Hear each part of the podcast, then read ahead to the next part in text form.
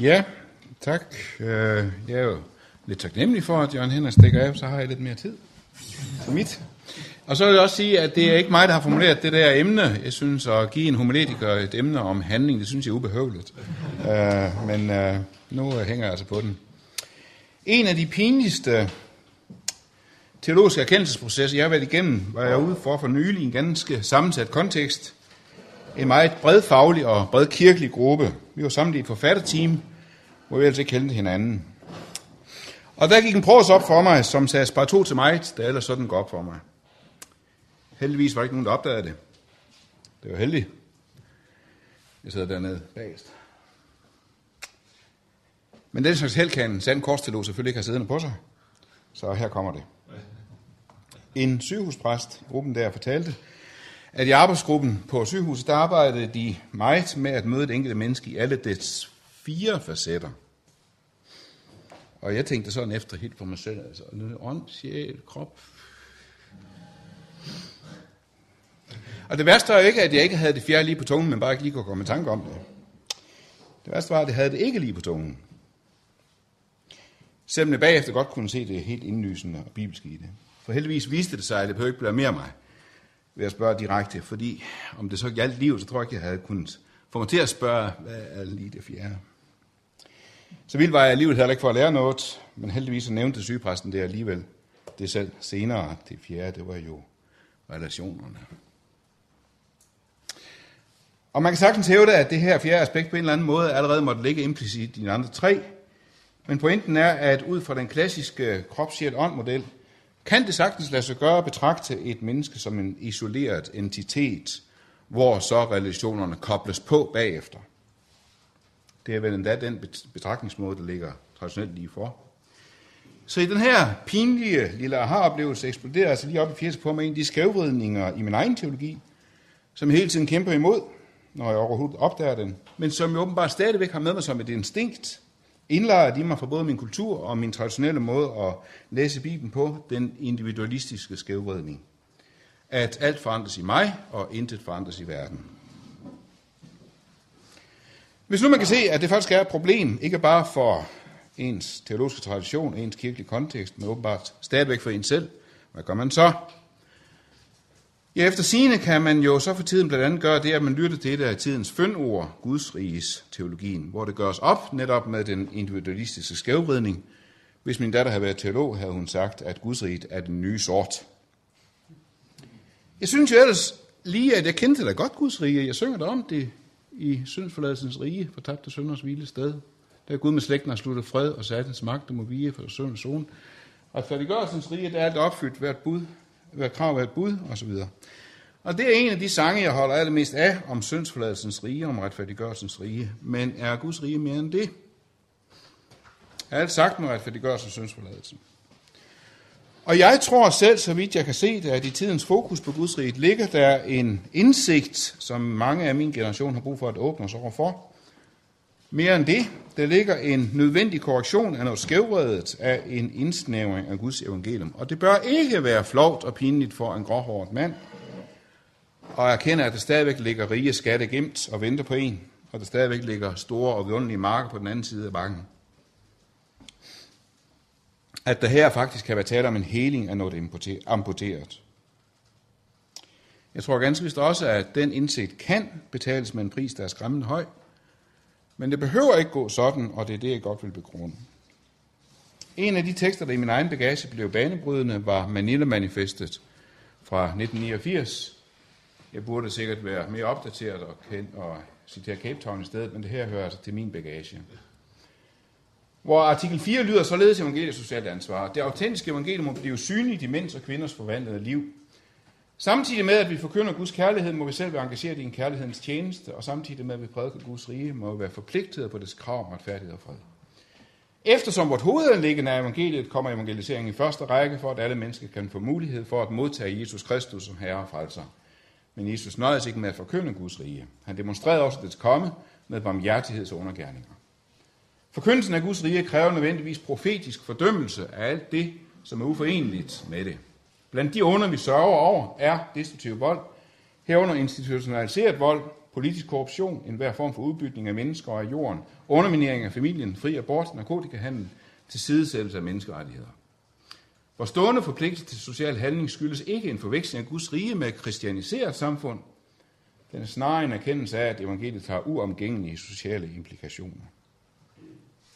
Og det blev for mig en banebrydende udfordring til på den måde at tænke bredere og større om Guds riget, end det der strengt individuelle og meget åndelige fokus, som jeg selv har været med mig, har haft med mig, og som åbenbart stadigvæk lader kispus med mig. Et eksempel. Det kan til tider være svært til gudstjenesten, når man står der som hin enkelte. som med power og overbevisning og istemme, jeg tror på Gud Fader, den almægtige himlens jordens skaber. Kan gribe sig selv i at stå mummen det lidt tonløst, eller bytte det ud med, jeg håber på Gud Fader. Og det er alt sammen vigtigt og væsentligt. Det er også en del af troens liv. Og så opdager man en dag, at det er jo ikke det, vi står og siger. I den danske højmesse lyder den apostolske trosbekendelse, vi tror på Gud Fader. Og det tager lidt af presset af. Jeg ved ikke, hvor jeg selv står lige i øjeblikket, men jeg hører til det Guds folk, der tror. Lige her og nu, der læner jeg mig op af fællesskabet. Vi har den her meget sentimentale tradition med, han er min brudgom, jeg er hans brud. Vel er jeg ej. Vi er hans brud. Kirken er hans brud. Menigheden er hans brud. En illustration. Jeg så for nogle tid siden en, en udsendelse med et interview fra en af de overlevende fra Auschwitz, hvor kort før de russiske tropper de nærmest Auschwitz, så pressede SS-soldaterne de tilbageværende fanger ud på en dødsmars ind mod Bergen-Belsen og ind mod Tyskland, for at de skulle blive befriet. Og så fortæller den her dame, som har overlevet den her dødsmars, hvordan de jo dør, den ene efter den anden. De ligger simpelthen som i dynger i, i, i vejgrøften. De går der fem og fem, presset ind i rækker af fem og fem. Og så aftaler nogle af dem med hinanden, at den, der går i midten, kan jo sove. Det kan faktisk lade sig gøre, at man går der og falder i søvn, fordi man går tæt sammen, kan det lade sig gøre. Det blev for mig en illustration af, hvad fællesskabet kan betyde, at jeg ved ikke, hvor jeg står her nu, men jeg læner mig op af de andre. Nu er jeg så nok klar over, at det er ikke sådan en typisk gudsrig vinkel, sådan som det efterlyses for tiden. Den er stadigvæk for tøset. Den er for sjælesørgisk. Den handler om svagheden og fattigdommen, og det er netop det, nutidig gudsrigs teologi er så træt af. Den efterlyser syn for handling, for styrken og kraften i kirken. Og jeg tror selv, at det er en efterlysning og et fokus, der kommer på høj tid. Mange af os har virkelig specialiseret os i et følsomt og sjælsøjsk fokus. Et fokus, der svigter den ressourcestærke og slukker forventningen til fremgang og sejr for Guds rige i denne verden. Vores yndlingstradition, vores traditionelle yndlingstilhører, det er jo den anfægtede, den angergivende og den bøjede. Og hvis folk ikke er anfægtet, angergivende og bøjende, så skal vi nok få dem gjort til det. Vi har vores metoder. Og så kommer gudsrigsteologien og minder os om den sejrs- og krafttone, den vidshed om styrke og den forpligtelse til handling, som også ligger i Nyt Som en ung teolog sagde til mig, vi er vant til at høre en prædiken, der driver hen til Kristus. Nu længes vi efter en prædiken, der også driver os hen til vores næste. Det drejer sig ikke bare om at bruge termen Guds rige og Guds rige noget mere, så ellers bare for at løs, som man altid har gjort. Det drejer sig om at finde et andet fokus. Guds rige er ikke bare retfærdiggørelsens forensiske rige, men det er transformationens rige, det er forvandlingens rige. I Morten Munks glimrende lille bog, Det omvendte rige, en bog om Guds rige og kirken, skriver han følgende. Det var Pannenbergs ønske, at genopdagelsen af Guds rige ville sprede sig til andre dele af teologien som en hermeneutisk nøgle.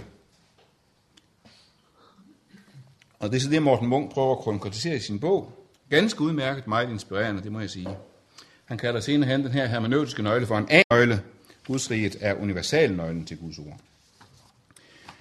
Da jeg læste det, var der en klokke, der ringede. Det der udtryk, en hermeneutisk nøgle, det var jeg der stod på før. Nemlig hos Karl Frank Wisløf. I antologien fuldførte en tjeneste i et foredrag fra 1975, men det er ikke den samme hermeneutiske nøgle. Han henviser til Concordia-formlen. Forskellen på lov og evangelium er, skriver Concordia-formlen, et særdeles herligt lys, som tjener til, at Guds ord bliver retteligt delt, og de hellige profeters og apostles skrifter bliver ret forklaret og forstået. Og så fortsætter Visløf selv. Læren om forskellen mellem lov og evangelium grunder sig ikke bare på terminologiske jagttagelser. Man kunne snarere sige, at denne lære er en hermeneutisk nøgle. Det vil sige en fortolkningsnøgle til forståelsen af Bibelen i det hele taget. Okay. Vi har altså to hermeneutiske nøgler. To forskellige A-nøgler. Ligesom på Bernardo Strozzis billede her, hvor Jesus rækker Peter nøglerne. Hvad for en vil du have? Skal Peter stå der og vælge? Udelukker den ene den anden, og det har taget mig ganske lang tid at erkende, at noget af drivkraften og energien i hele den her diskussion, simpelthen kom af, at nogle til min overraskelse prøver på at spille de to nøgler ud mod hinanden. Og det galt for begge sider. Men hvis man virkelig vil pusse de to nøgler, de to forståelser på hinanden, spille dem ud mod hinanden, forudsætter det så ikke, at man har enten en noget amputeret forståelse af Guds eller har en noget amputeret, forstå, amputeret forståelse af den klare skæld mellem loven og evangeliet. Som systematiker kan jeg næsten ikke få det over mine læber. Men i et emne som dette tror jeg ikke, at djævlen ligger i detaljen. I et emne som dette ligger djævlen i de store linjer. Fordi helligånden ligger i de store linjer. Som systematikere vi forsøger vi med øh, at finpudse detaljerede formuleringer, f.eks. om Gudsriget, og vi tror, at hvis vi så udtrykker os lidt forsigtigt, så er helvede løs, bogstaveligt talt. Hvis nu i stedet for justerer hårfint på terminologien, på definitionen af Guds rige, så er vi inden for rammerne, vi er på sikker grund, tænker systematikeren. Jeg tror, at det her er et af de emner, hvor vi måske skal være lidt generøse, når det gælder at bedømme hinandens forsøgsvise famlende formuleringer. Giv hinanden lov til at være lidt uforsigtige. Bær over med detaljen faktisk. For det virkelig vigtige, det er snarere balancen, det er betoningen, det er de store linjer. Det er der, det kan gå rive galt, og det er der, der kan ske så meget nyt og fint. Bare et enkelt eksempel. Bill Heibels berygtede tese, den lokale kirke er verdens håb. Og folk har kritiseret den og protesteret imod den. Jamen, den lokale kirke er da ikke hele verdens håb. Hele sandheden om verdens håb. Nej, vel er det ikke hele sandheden. Men det er også sandheden. Så lad os da lade det stå som hverken mere eller mindre end det. Så altså kan vi have to forskellige hermeneutiske hovednøgler til Guds ord. Jeg kan godt prøve at illustrere det ved et meget specielt billede, en sidefløj af en trefløjet altertavle af hans memling. Han skilter her Johannes på Patmos, der skriver ned alt, hvad han ser i sine syner heroppe. Vis, han ser endda, han skriver endda ned, hvordan han ser sig selv øh, i sit syn. Og der ser han så her øverst til venstre ind i Guds himmel. Han hører om løven af Judas stamme og ser Guds lam. Han hører om løven Judas stamme, og han ser Guds lam. Og helt exceptionelt har her hans mømning valgt ikke at tegne Gud Fader, som jo er ud for teksten logisk, men Kristus, måske fordi han er ved tilbage for at tegne øh, Gud Fader på tronen. Så helt paradoxalt kommer altså her lammet Kristus hen til kongen Kristus og tager bogrullen, Guds frelsesplan af hans hånd, for at kunne åbne Guds frelsesplan. Og det kunne godt illustrere vores to hermeneutiske nøgler. Gudsrigets teologi, det er kongens teologi. Det er ærens og styrkens og magtens og herredømmens fortælling. Det er løvens fortælling. Den klare skæld mellem loven og evangeliet er blodets teologi. Det er forsoningens, afmagtens og skjulthedens og vandærens og dårskabens fortælling. Det er lammets fortælling. De to fortællinger dækker ikke helt konkurrent over vores to nøgler, men det vender jeg tilbage til. Indtil da blot dette, at løven er kongen, den brølende, sejrende fyrste, lammet er det tavse offer, det blødende slagtede zonoffer. Og dette, at det er en og samme Kristus, der er begge,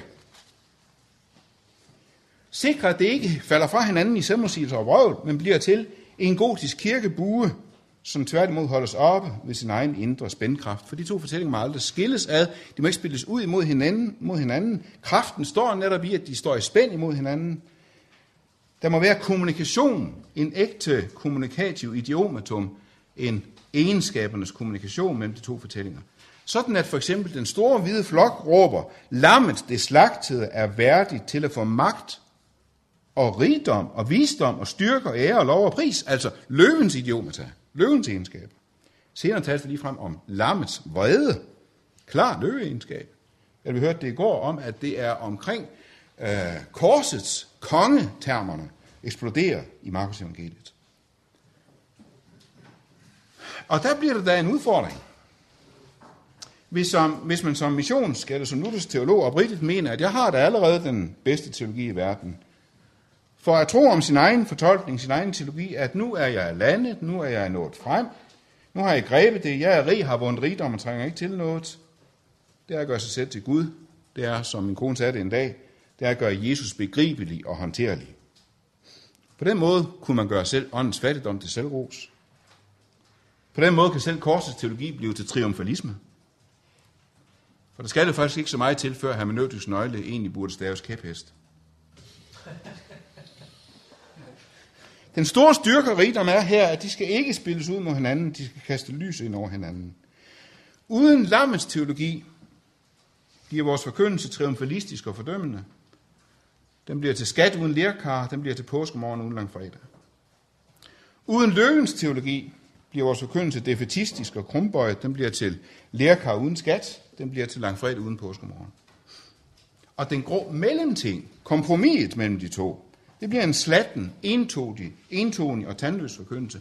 Vi skal våge at forkynde dristigt, kompromilløst, helt ud til kanten, flertonigt, begge modmelodier i kontrapunktet.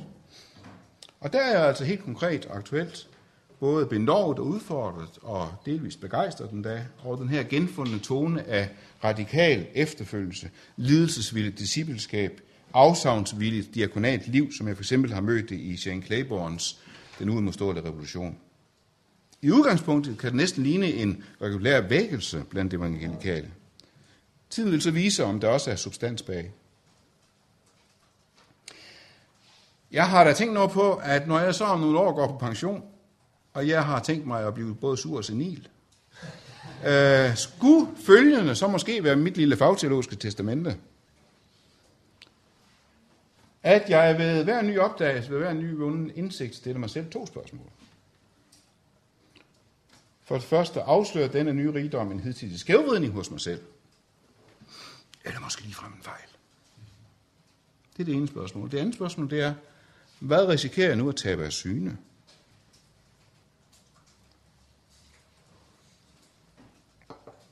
At spørge sådan, det er nemlig min bedste forsikring imod faktisk at tabe det syne. For det behøver ikke at gå galt. Jeg nægter at tro, at vi skulle være styret af en nulsums teologi, hvor en nyfund rigdom nødvendigvis skal koste et tab et andet sted, fordi summen kan aldrig blive mere end nul. Så står man der med sine øh, homiletiske equalizer og og skruer op og ned, fordi det ene, skruer man op på det ene, så skal man skrue ned for det andet. Man forestiller sig, at det at forkynde en ny indsigt, lidenskabeligt eller hæmningsløst, det må nødvendigvis koste en betoning et andet sted. Jeg må skrue ned for et eller andet for at få plads til det nye. Nej, at læse teologi, det er at gå fra herlighed til herlighed. Det er at vokse i indsigt, i kraft og kærlighed livet igennem. Det behøver ikke gå galt. Man behøver ikke give køb på en gammel indsigt, hver gang man finder en ny. Men det kan gå galt.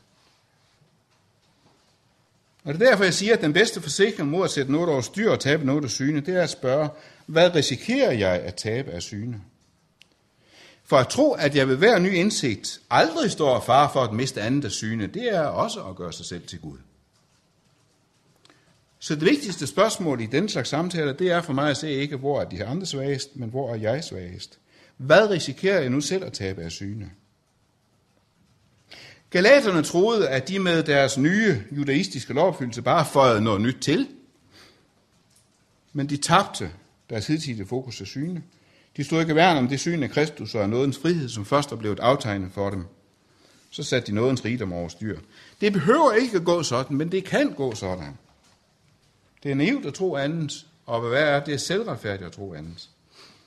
Jamen, jeg kan ikke bare blive ved med at få nyt til. Jeg kan ikke bare fordoble længden på mine prædikener, fordi jeg skal få mere og mere til. Jeg bliver aldrig færdig. 12 minutter om dagen er ikke nok. Nej, men det er bare et spørgsmål om håndværk. Og det er da rigtigt, at efterhånden får man mange bolde i luften, efterhånden som ny visdom og ny indsigt føres til. Risikoen for, at man taber en af boldene, vokser naturligvis. Eller som jeg samtidig næsten føler det, jeg står ikke med at jonglere med bolde, men med kørende motorsager og tændte fakler. I særdeleshed fordi vi altid må tilstræbe netop det enkle, det klare. Næsten det værste, vi kan gøre, det er at gøre indviklet, kringlet og indviklet og knudret. Og de gange, jeg selv føler, at en prædiken simpelthen er lykkedes dårligt, det er, når jeg fik det gjort for indviklet og for knudret. Som Ole Grønbaum engang skrev i en anmeldelse her for nylig, hvor han skulle anmelde en, en forfærdelig svær om Gud, det guddommelige og hovedpine burde ikke høre sammen. Men enkelhed og klarhed er ikke det samme som ensidighed og snæversyn. De her to hermeneutiske nøgler, de har hver sin dialekt. De har hver sine konnotationer. De har helt bestemt hver sine ikoner. Og det er alt sammen i orden. Måske har de også hver sin subkultur, hvilket straks er mere betænkeligt. Hvordan kaster Guds riget lys ind over forkyndelsen af lov og evangelium? Og der nævner jeg ganske hurtigt. Ved at frisætte den fra den rene individualisme. Ved at tænde håb om forbedring og kraft. Ved at forpligte til efterfølgelse. Ved at danne et folk sammensmedet og samvirkende som et lame. Ved at forfremme os fra udulige til Guds medarbejdere. Ved at forpligte forkyndelsen på det sociale, det diakonale, det profetisk-politiske. Ved at skabe håb om kirkens kulturtransformerende kraft ved at understrege vigtigheden af det dit liv. Og hvis nogen så vil indvende, jamen det har de da alle sammen fuldt styr på. Det har de allerede fuldt på plads, ikke også? De behøver ikke nogen moderigtig gudsrigs teologi for at blive mindre. Jamen så får være med det. Vi er måske andre, som ikke helt har vores på det tørre endnu. Hvad så den anden vej? Hvordan kaster den klare skæld mellem lov og evangelium lys ind over forkyndelsen af Guds riget? ved at skærme den mod naiv triumfalisme, ved at modvirke selvretfærdig lovgærningskristendom, ved at minde om Guds rige skjultid, at det ikke kan peges ud og jagtages, ved at fastholde den enkeltes ensomhed over for Guds dom og noget, ved at fastholde forkyndelsens sjælesøjske målsætning, ved at lade dommen nåden og forpligtelsen lyde uafkortet og samtidigt, ved at fastholde nådens ubetingede frihed, ved at indrømme Guds folk en bred marken for fejlbarlighed og svigt. Ved at fremholde den eskatologiske alvor. Ved at skælne mellem skabelse og genløsning. Og ved at skælne mellem Guds to måder at reagere på i verden, de to regimenter. Før jeg fortsætter af hovedsporet, og hovedsporet det er det her oppe om Guds dom og Guds nåde og nåden og forpligtelsen. Før jeg fortsætter af hovedsporet, så skal jeg lige sige lidt om det nederste punkt her. Jeg vil ønske, at jeg havde meget mere tid til at gå ind på det, for det at skælne mellem skabelse og genløsning og skælne mellem de to regimenter, det er et derivat af en udløber af, af den grundlæggende skæld mellem loven og evangeliet. Og det er en af de største udfordringer til Guds riges teologien. Og det er helt galt, når det går galt, som for eksempel, da Dickmeis engang kreerede den her øh, messehal. Selvom jeg er selv medlem af Amnesty International, jeg blev vred, jeg blev ked af det, da jeg så, at han på den måde krasser, øh, ja, gør, øh, gør Guds rige til gissel for et sekulært projekt. Hvad, hvor alt det, går galt her, Det er det, når Guds rige gørs til overskrift for alt Guds værk og virke i verden. Hvor alt, hvad der er godt og rigtigt, det skal regnes for et udtryk for Guds rige, for man skiller ikke mellem skabelsens værk og genløsningsværk. Men at tillægge Guds riget alle gode kræfter i verden, det er at underkende skaberens magt og vilje. Han er til stede overalt i verden. Og ikke blot i Guds riget. Som skaber han er han ikke bare en kristen kamp i Sydafrika mod apartheid, men han handler også i en buddhistisk kamp imod undertrykkelse og imperialisme. Men at regne en buddhistisk kamp for et udtryk for Guds rigs frembrud, det giver ingen mening. Det er det skaberen, der handler. Og det er heller ikke nødvendigt, absolut at skulle kalde det for Guds rigs frembud. For Gud er til stede og handler overalt i verden, og ikke blot i Guds rige. som Peter Legard siger det. Der er forskel på Guds vilje og Guds rige. At det klæder alt godt, godt og sundt i verden alene for Guds rigets prerogativ, det er i mine øjne en slags Guds rigets imperialisme. Fordi Guds værk i verden rækker ud over Guds riget. Og for det andet, når Guds rigets radikale etik råder sammen med den interimsetik, skal lige have slukket her. Når Guds rigs radikale etik råder sammen med den interimsetik, som Gud lader gælde for verden og for samfundet. Og hensigten er fin nok. Man ønsker at tilskynde samfundet til at adoptere et højt menneskesyn og andre kristelige værdier. Man håber på at virkelig gøre kirkens kulturtransformerende kraft, og det er en sund og rigtig hensigt. Guds rige kan faktisk være en kulturtransformerende magt – og det er noget, jeg er meget udfordret af, for det ligger ikke lige til mit teologiske højreben. Men historien viser det. Ophævelsen slaveriet, kampen mod børnearbejde, humanisering af straffesystemer, kirkens bidrag i kampen mod apartheid osv. Så når der reageres over for Torgementelæren, så er det ofte fordi, man har kun et overfladisk, amputeret billede af den. Man identificerer det med tidværsk misbrug eller lignende. Og det kan ikke nægtes, at den er blevet misbrugt til social ligegyldighed. Men hvis man ikke man kan skelne mellem regimenterne, så kan man heller ikke skelne mellem Guds rigs radikale etik, hvor det faktisk forlanges af os, at vi skal tåle og tilgive uretfærdighed. Og så samfundets interimsetik, hvor uretfærdighed ikke skal tåles og tilgives, men skal bekriges. Resultatet bliver sådan en mærkelig mismask. En grå, ubestemmelig mellemting, hvor hverken det ene eller det andet kommer til at stå soleklart og i egen ret. I, i, i praksis, der får man ofte en opskruet og principiel retorik, som bare ikke får gang på jorden i konkret hverdag. Og derfor er jeg bange for, at opgøret med Torgamentelæren, det kan ende i præcis det, man ville gøre op med. En nedtoning af Guds rigs radikale etik. Hvor vi skal vende den anden kind til, vi skal tale godt om vores fjender, vi skal give mere til den, der stjæler fra os. Fordi ingen prøver på i virkeligheden at virkelig gøre det som samfundsetik. Og så ender man i præcis det, man øh, vendte sig imod, en radikal retorik og en kompromitteret slatten praksis. Så tilbage til hovedsporet. Det, som ser lidt mindre kontroversielt ud, alt det her med nådens frihed, alt det med dommens og nådens og forpligtelsens klarhed. Og der vil jeg så sige, at hvis nogen så vil indvende, jamen det er da indlysende alt sammen.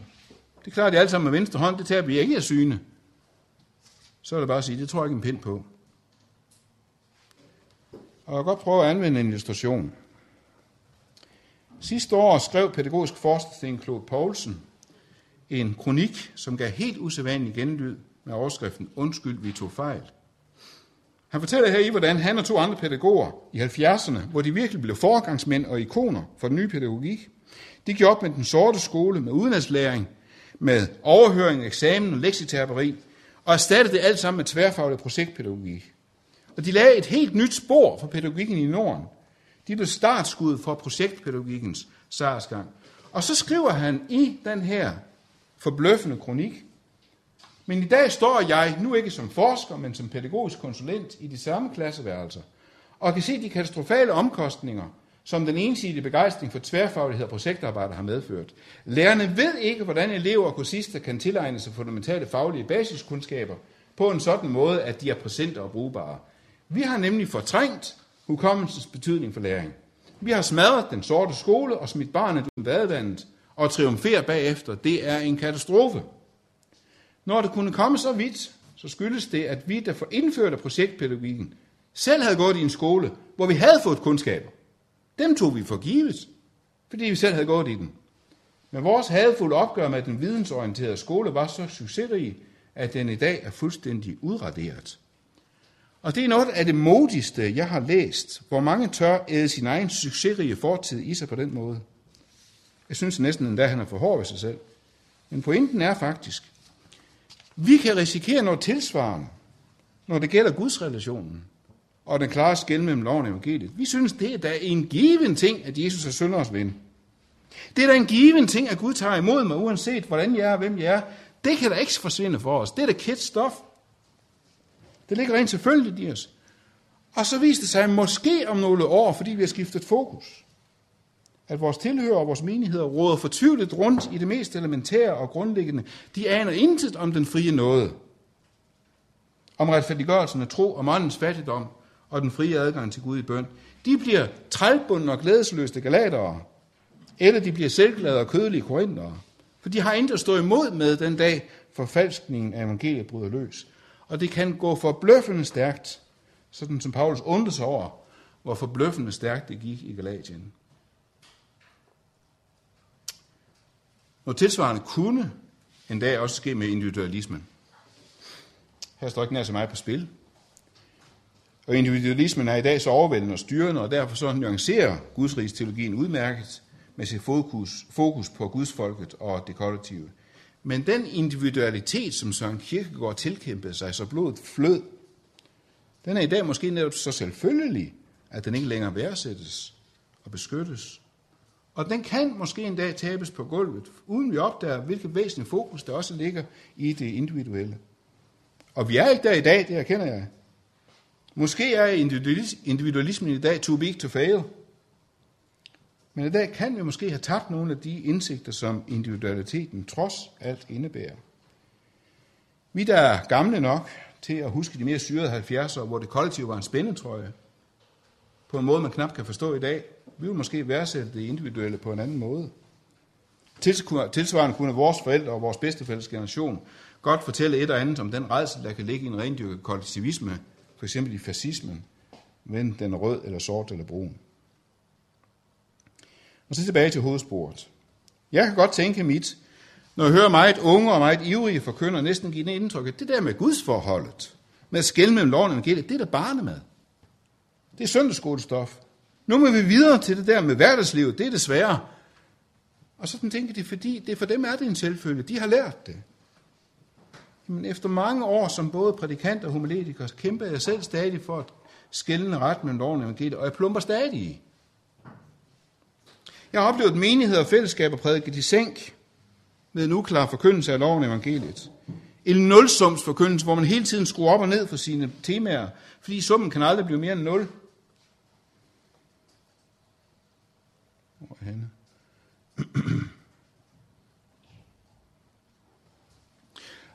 Fordi man tør ikke skyde alle skyderne helt, knalde dem helt op for fuld.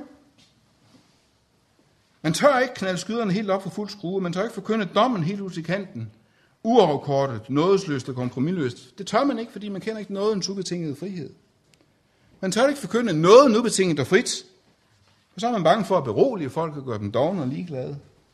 Og til syvende og sidst, så tør man heller ikke forkynde forpligtelsen. Uafkortet. Og forpligte folk på bjergprædikens radikale etik. Man bliver nødt til at skrue den ned til noget, der er kommet. Til noget uskadeligt, noget opfyldeligt. Nu er det faktisk slet ikke min egen tolkning, at de to skulle spilles ud mod hinanden. Jeg tror ikke, at det selv vil komme på at opfatte det som en modsætning, hvis ikke andre har hævdet det så markant, at det er det altså. Martin Drengsgaard, som i dag er sovnepræst øh, i Vetlemskirken i København, han har skrevet i sit speciale en beskrivelse og vurdering af fænomenet Emerging Church øh, fra 2007. Det er meget fint speciale, det må jeg sige, øh, kan jeg virkelig varmt anbefale det. Her kommer han så ind på min homiletik, teksten og tiden, og der skriver han så følgende. Jo mere posttraditionel, vældig godt udtryk, verden bliver, jo mere vil mennesket forstå sig selv gennem sine handlinger. Derfor, hvis et evangelium ikke giver hjælp til konkrete handlinger eller inviterer ind i et handlingsmiljø, vil det posttraditionelle menneske ikke forstå evangeliet. Det posttraditionelle, postmoderne, senmoderne menneske har ikke brug for at finde en nådig Gud, der kvitter frit tilgiver synd, men en Gud, som inviterer mennesket på en vandring, hvor dette menneske bliver en del af et handlingsmiljø. Andersens problem, altså i min humanistik, teksten og tiden, er for mig at se, at han stadig hænger i modernistisk epistemologi, og derfor ikke formår at levere en teologi, som kan bruges af det postmoderne menneske. Med han stadig fastholden på lovevangelium, som er et individualistisk evangelium begrænser han Guds riges nærhed, at Jesus rent faktisk forsøgte at kultivere et fællesskab, der levede Guds riges gerninger.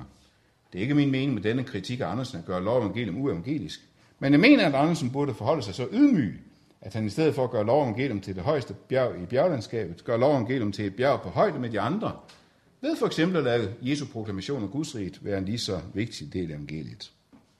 Jeg er ikke helt enig. Jo, nok i det der med ydmygheden.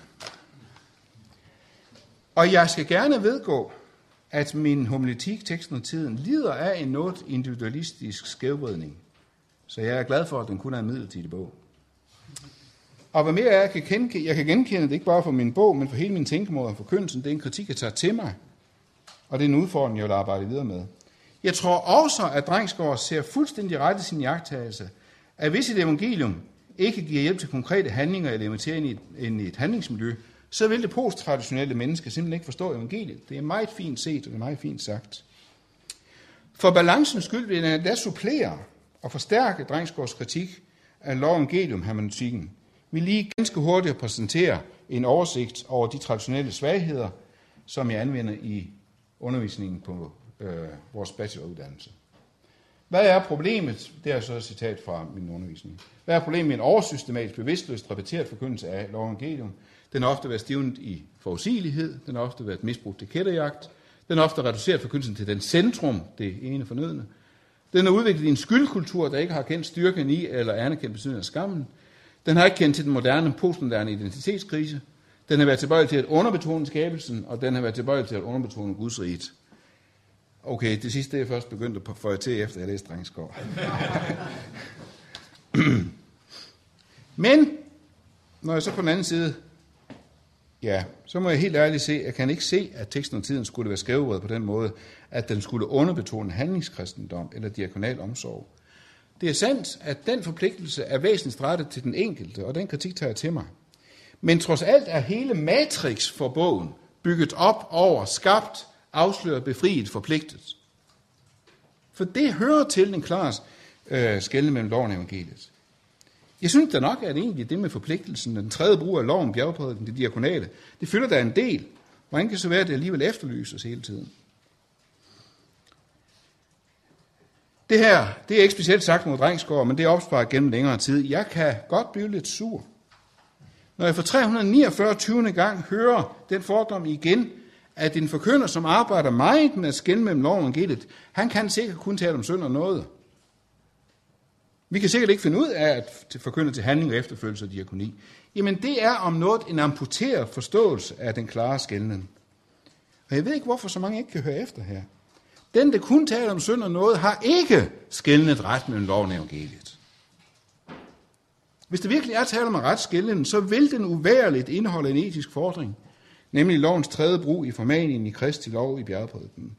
Og gør den ikke det, så er der ikke tale om en overbetoning af den klare skældning, eller en overdrevet skældning. Der taler om katastrofalt rodet sammen af loven i evangeliet. Så det er det ene, jeg godt vil sige imod Drengsgaards indvending. Det andet, det er, og det siger jeg sådan med nogle tøven. De der to fortællinger, løvens og lammens fortælling, de dækker ikke helt kongruent over de to hermeneutikker, Guds rigets hermeneutik, og så lov evangelium hermeneutikken. Så længe vi bare taler om løvens og lammens fortællinger, eller om løvens og lammens metafor, så har jeg ingen problem med at vægte dem lige meget.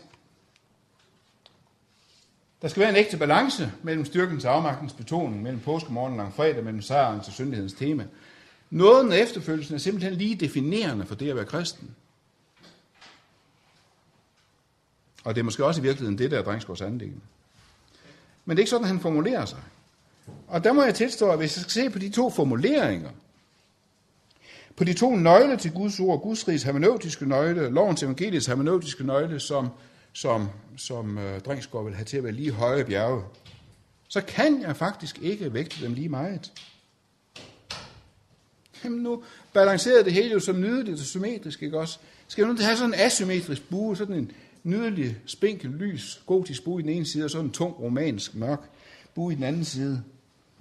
Jeg ville egentlig ønske, at jeg for den æstetiske symmetri skyld, og også for den dialogiske imødekommenheds skyld, kunne fremholde de to nøgler som lige vigtige, men det kan jeg faktisk ikke. Jeg er der ikke nu, og jeg er heller ikke på vej derhen. Jeg kan godt lige bede at lægge mærke til, hvad jeg ikke siger. Jeg siger ikke, at så skal vi alligevel til at skrue op og ned for nogle temaer af forkyndelsen, og så arrangere noget alligevel over efterfølgelsen i vigtighed, og hvad ved jeg. Det er sandt.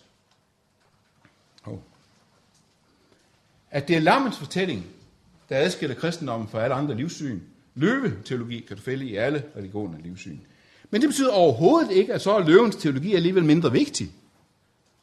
Det er kun, det er kun en, en ren dialektisk, benhård dialektisk teologi, der vil sige, at du må kun forkynde det, som kun kristendommen har at sige. Har vi ikke løvens fortælling med for fuld skrue, så krøller lammens fortælling sammen under vægten af nederlag og vande og dårskab. Så det er ikke det, jeg siger. Men hvad er det så, jeg siger? Hvis I går ind i substansen af de to temaer, hvis jeg spørger konkret, hvad er det, der sker, hvis jeg taber den ene nøgle på gulvet, eller jeg taber den anden nøgle på gulvet, jeg taber det ene tema af syne, jeg taber det andet tema af syne, men så kan jeg faktisk ikke tillægge dem samme betydningstyngde. Nu er det ikke mig, der er begyndt på den her mandjævning af de to temaer. Men hvis man vil sammenligne, så går for mig at se lov og evangelium hermeneutikken simpelthen et lag dybere end Guds riges hermeneutikken. Den kaster et klarere lys ind over både vores forkyndelse og vores handling. Den kaster et klarere lys ind over både vores Guds relation og vores næste relation. Og jeg forklarer det måske bedst, hvis jeg prøver at bede jer forestille jer, hvad der sker, hvis vi mister en af dem. Hvad sker der, hvis vi mister Guds riges hermeneutikken som tolkningsnøgle? Og jeg siger jo ikke, at hvad sker der, hvis vi mister Guds riget? Altså. Men hvad sker der, hvis vi mister Guds riges hermeneutikken som tolkningsnøgle til Guds ord? Så bliver vi alvorligt fattigere. Så mister vi et vigtigt aspekt. Jeg kan godt frygte, at så må vi også kraft og fremdrift, og det er alvorligt. Men mister vi den elementære evne til at skælde mellem loven og evangeliet, så dør vi. Så mister vi livet. Og det kan faktisk lade sig gøre, og det er trods alt alvorligere. Så går vi som fariseren hjem til vores hus, helligere end andre, mere oprejst og frimodige end andre, mere aktive og handlende end andre, men fortabt. Og så har vi, om jeg så må sige, smidt barnekort ud med badevandet. Her tænker jeg ikke på lov evangelium i det stivnede, dogmatiske, eftersnakkende, systemiske form, dets museumsform. Hvad skal jeg bevare den for? Jeg tænker på det i dets empatiske, sjælesørgiske, levende form, dets etisk forpligtende, dets autentiske, paulinske form. Mister vi det, så vil det for, sag, for eksempel en dag ikke længere være elementær børnelærdom, at formaning og etisk fordring og discipleskab alt sammen forværrer os, i stedet for at forbedre os. Nemlig hvis det ikke lyder på baggrund af en stadig udpenslet forkyndelse af den frie nåde så ville alle ord om efterfølgelse og dyr noget, uanset hvor inspirerende, hvor opmuntrende, hvor nuanceret og kreativt de lyder, de ville begynde at forgifte vores menigheder, i stedet for at forpligte dem. Og vi ville ikke kunne forstå, hvad det var, der skete. For vi havde jo set den her frie noget som noget selvfølgeligt, som vi havde lært, som vi ikke skulle være nødt til at gentage og gentage og gentage. Eller sagt på en anden måde. Jeg kan til nød se for mig, hvordan det godt kunne lyde et kald til discipleskab, radikal efterfølgelse, også uden en udviklet gudsrigshermeneutik. Det er ikke godt. Det vil blive mudret uklart, men det kan måske godt lade sig gøre. Men jeg kan vidteligt ikke se for mig, hvordan det på nogen måde skulle kunne lyde et klart kald til discipleskab og til radikal efterfølgelse, uden en klar lov og evangelium hermeneutik. Uden det vil hele kaldet til efterfølgelse ikke bare blive uklart og mudret, det vil direkte blive counterproductive. Det vil forgifte i stedet for at forpligte. Så jeg er dybt taknemmelig for det fornyede fokus, som er på efterfølgelse og discipleskab. Og formaningen til efterfølgelse, radikal discipleskab, det er livsvigtigt. Men det kan også være livsfarligt. Det er en meget skarp skalpel, som både kan læge og slå ihjel. Og det er, at man faktisk kan formane folk ihjel. Man kan udfordre dem til døde nemlig hvis formaningen ikke sker på baggrund af en frigørende forkyndelse af fri noget, det ligger ikke lige til højrebenet. Det undgår man ikke, uanset hvor nuanceret eller kreativt det forkyndes. Men man undgår det ikke engang bare ved at skrue lidt ned for den, så den bliver knap så slem. Det undgår man kun, hvis man har fået lov og evangelium hermeneutikken ind under huden. Så lad os bare gøre front mod individualismen, hvor alt drejer sig om min egen forædling og min egen åndelige oplevelse. Lad os gøre front mod nederlags- og jammerteologien, hvor alt taler om sejr og kraft, dømmes ude og mistænkeliggøres som sværmeri. Lad os gøre front mod skammens teologi, hvor mennesker knuses af skam og selvhed. Lad os frem for noget gøre front mod den passive og slappe egoistiske åndelighed, som ser stort på forpligtelsen efter følelsen og discipleskabet. Men syndserkendelsen må aldrig tabes. Syndserkendelsen ikke som i skamfyldt, selvcentreret selvhad – men som i velproportioneret sorg over synden. Den må ikke engang svækkes. For Guds æres skyld, for min næste skyld, og for min egen trosglædes og trosfriheds skyld. Og nådens ubetingede frihed må aldrig svækkes. Vi må ikke underkende den åndelige fristelse, der ligger i al forkyndelse af den frie nåde, og den fristelse har min generation af KFS'ere nok samtidig underkendt. Men tilsvarende skal man altså heller ikke underkende den åndelige overspringshandling, som kan ligge i al aktivisme og handlingskristendom, nemlig undvielsen for syndserkendelsen og undvielsen for blodets teologi. Og nu slutter jeg af. Teologien er i opbrud. Det er Guds folk altid. Også teologen må altid stå parat til opbrud med staven i hånden, kjorten bundet om lænd og lamperne tændt. Og derfor kan systematisk teologi aldrig blive systemens teologi. Den er løvens og lammens teologi, netop fordi den aldrig må blive system, må blive Kristus teologi. Det vil altid være Kristus, der er den endelige hermeneutiske nøgle. Det er ham, der holder de andre nøgler i hånden og giver dem til kirken. Han er bliver topstenen i vores kirkebue. Så en sund kristologi forsones og fusioneres sund eklesiologi og sund soteriologi, frelseslære. Fordi Guds rige er Kristi fredsrige, hvor der ikke længere er krig mellem gode teologiske koder. Tak.